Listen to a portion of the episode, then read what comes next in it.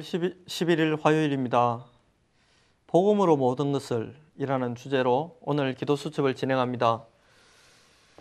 마태복음 16장에 보면 시몬 베드로가 중요한 고백을 했습니다. 시몬 베드로가 대답하여 이르되 주는 그리스도시요 살아계신 하나님의 아들이십니다. 이 짧은 고백이 인류의 역사에 큰 전환점을 가져왔습니다. 저와 여러분은 초대의 교회에서 누렸던 복음 그리고 복음 운동을 전도 운동을 제대로 배우고 또 회복해야 하겠습니다. 초대 교회는 복음으로 모든 것을 보았고 복음으로 모든 것을 적용했고 복음을 통해서 모든 응답을 받았습니다. 우리는 이러한 분명한 사실을 통해 중요한 답을 얻어야 하겠습니다. 복음으로 문제를 보고 복음으로 일을 보고 복음으로 사람을 보고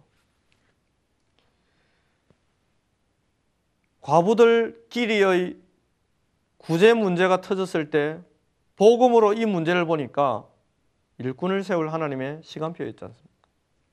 서대만이 돌맞아 죽은 그것을 그들이 복음으로 보니까 잔이라라고 표현되어 있습니다. 죽은 것이 아니고 잠들었다. 서대반의 일로 일어난 환란 그 광풍으로 인해서 베니게 구부로 안디옥으로 향하는 걸음에 더 가속도가 붙었다고 성경은 증언하고 있습니다. 무엇으로 보느냐? 무엇을 누리느냐? 무엇을 통해서 응답을 받느냐는 굉장히 중요합니다. 야곱은 야복강 앞에서 복음 아닌 다른 것으로 누렸던 모든 축복, 모든 받은 응답들을 다 떠나 보내야 했습니다. 그리고 그에게 남은 것은 딱 하나였습니다. 아버지 집을 떠나 도망 올 때 꿈속에서 하나님이 주셨던 그 언약이 딱 남았습니다. 그 언약을 붙잡고 야곱은 기도하기 시작했습니다. 그 기도를 통해서 그의 인생은 이스라엘이 되는 축복 속으로 들어가는 은혜를 누렸습니다. 첫 번째, 복음 운동입니다. 복음과 전도를 우리는 다른 것으로 생각할 수 있지만 사실은 복음이 복음되는 것이 전도입니다.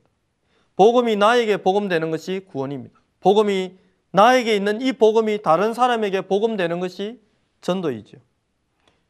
그래서 우리는 여기에서 분명한 답과 내용을 가지고 있어야 합니다. 이러한 부분이 이해가 될 때부터 말씀이 들리기 시작하고 말씀이 이해되기 시작합니다.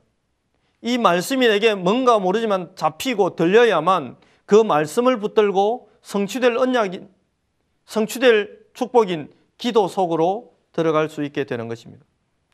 성경에 나오는 일곱 명의 렘넌트들도 다 이 속에서 참 행복을 누렸습니다. 우리도 이들처럼 복음 안에서 행복한 시간을 가져야 합니다.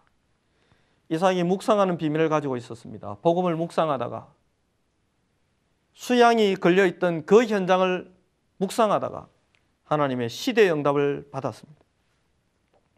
이러한 복음 안에서의 행복을 누리게 되면 여러분 큰 힘을 얻게 됩니다. 세상을 움직일 힘을 얻게 됩니다. 시대를 움직일 응답을 받게 됩니다. 복음이 여러분 속에 복음 되는 비밀이 무엇입니까? 예수가 그리스도 되시고 그 그리스도가 그리스도 되시면서 그 그리스도가 드디어 저와 여러분의 인생의 주인 되는 것이 복음이 복음 되는 것이겠죠. 그리고 이러한 복음 속에서 깊은 기도의 시간을 누린다면 우리는 성령의 충만함을 받게 됩니다. 두 번째, 모든 것에서 오는 응답입니다. 복음이 복음되고 복음을 복음으로 누리고 복음 속에서 행복을 누리고 있으면 중요한 응답들이 오게 됩니다. 첫 번째, 우리의 모든 인생이 복음을 위한 발판으로 쓰임 받는 응답을 받게 됩니다. 저와 여러분의 인생이 전체가 복음 운동을 위한 중요한 일에 쓰임 받는 은혜를 누린다. 얼마나 어마어마한 일입니까? 얼마나 가슴 설레이는 일입니까? 브리시길라가 하고 있던 그 천막 자는 작업이 자기 혼자 먹고 사는 문제를 해결하는 비참한 일에서 세계복음을 위한 일로 바뀌었을 때 그의 인생의 모든 것이 세계복음에 들임바 되었을 때 어느 정도로 고백합니까? 자기의 목이라도 내어놓았다고 고백합니다. 두 번째 어떤 응답이 옵니까? 본격적으로 이때부터 세상을 살리는 역사가 시작됩니다. 세 번째는 전문성과 재능이 전부 살아나는 것입니다. 숨겨져 있던 재능이 살아납니다. 이- 이 보고만 해서 요셉이 행복했는데 그가 가지고 있는 재능이 바로왕 앞에서 완전히 회복되어 버렸어요. 완전 살아났습니다. 바로가 고백했습니다. 여호와 이신에 이처럼 감동된 자, 충만한 자를 나는 본 적이 없다. 어떻게 이런 사람을 우리가 얻겠느냐? 그러면서 바로 총리로 임명했습니다. 네 번째, 이때부터 사업과 학업이 살아나고 경제 축복이 회복되기 시작합니다. 우리는 일곱 명의 랩런트를 통해서 이러한 부분을 확인했습니다. 우리는 하나님이 주시는 응답을 불신자처럼 다른 곳에서 찾으려고 하면 안 됩니다. 이미 하나님은 복음 안에 모든 것을 담아서 전도성의 모든 축복을 담아서 전도성의 모든 하나님의 계획과 시간표를 다 담아서 우리를 불러 주셨습니다. 이 축복을 누리고 있으면 응답이 보이기 시작합니다. 이 축복을 누리고 있으면 안 싸우고 승리할 수 있습니다. 이 축복을 누리고 있으면 인본주의를 쓰지 않고도 완벽한 응답을 얻을 수 있습니다. 이 축복을 누리고 있으면 정복의 자리, 성공의 자리, 응답의 자리에 가게 되어 있습니다. 불신자처럼 쟁취하기 위한 피튀기는 내가 살기 위해 다른 사람을 죽이고 내가 성공하기 위해서 앞서가는 자를 발걸음 넘어뜨리는 그런 인본주의를 쓰지 않아도 되는 완벽한 응답을 하나님은 복음 안에서 전도 속에서 준비해 놓으셨습니다. 세 번째 생명건 자세입니다. 우리는 이제부터 어떤 자세를 취해야 합니까? 초대교회처럼 생명을 걸어야 합니다. 우리의 체질이 연약합니다. 그러나 정말로 생명을 걸면 하나님은 저와 여러분의 인생 가운데 큰 일을 이루실 것입니다. 무엇에 생명을 걸어야 합니까? 왜 생명을 걸어야 합니까? 복음과 전도에 생을 걸어야 합니까? 왜 걸어야 합니까? 이것보다 더 가치 있는 것이 없기 때문에 그렇습니다. 모든 것을 걸어야 합니다.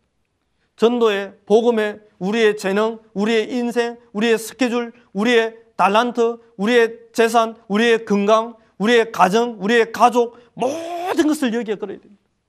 왜 그렇습니까? 유일한 하나님의 계획이 전도 속에 복음 속에 들어와 있기 때문에 그렇습니다.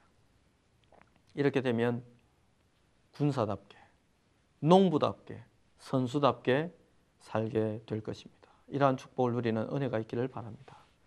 오늘의 포럼을 나누겠습니다. 복음 안에 있는 축복을 묵상해 보세요. 복음 속에 깊이 들어가면 어떻게 해야 할까요? 하나님은 복음 안에 모든 것을 담아 두셨습니다. 그것이 오늘 여러분의 것이 되는 기도가 시작되기를 바랍니다. 기도하겠습니다. 복음으로 모든 것을 누리고 감당했던 초대교회처럼 복음 하나 가지고 로마까지 갔던 바울팀처럼 우리도 복음 안에서 모든 것을 얻고 누리는 참 복음 가진 엘리트로 또 렘넌트로 쓰임 받게 하옵소서. 감사드리며 살아계신 예수님의 이름으로 기도드립니다. 아멘.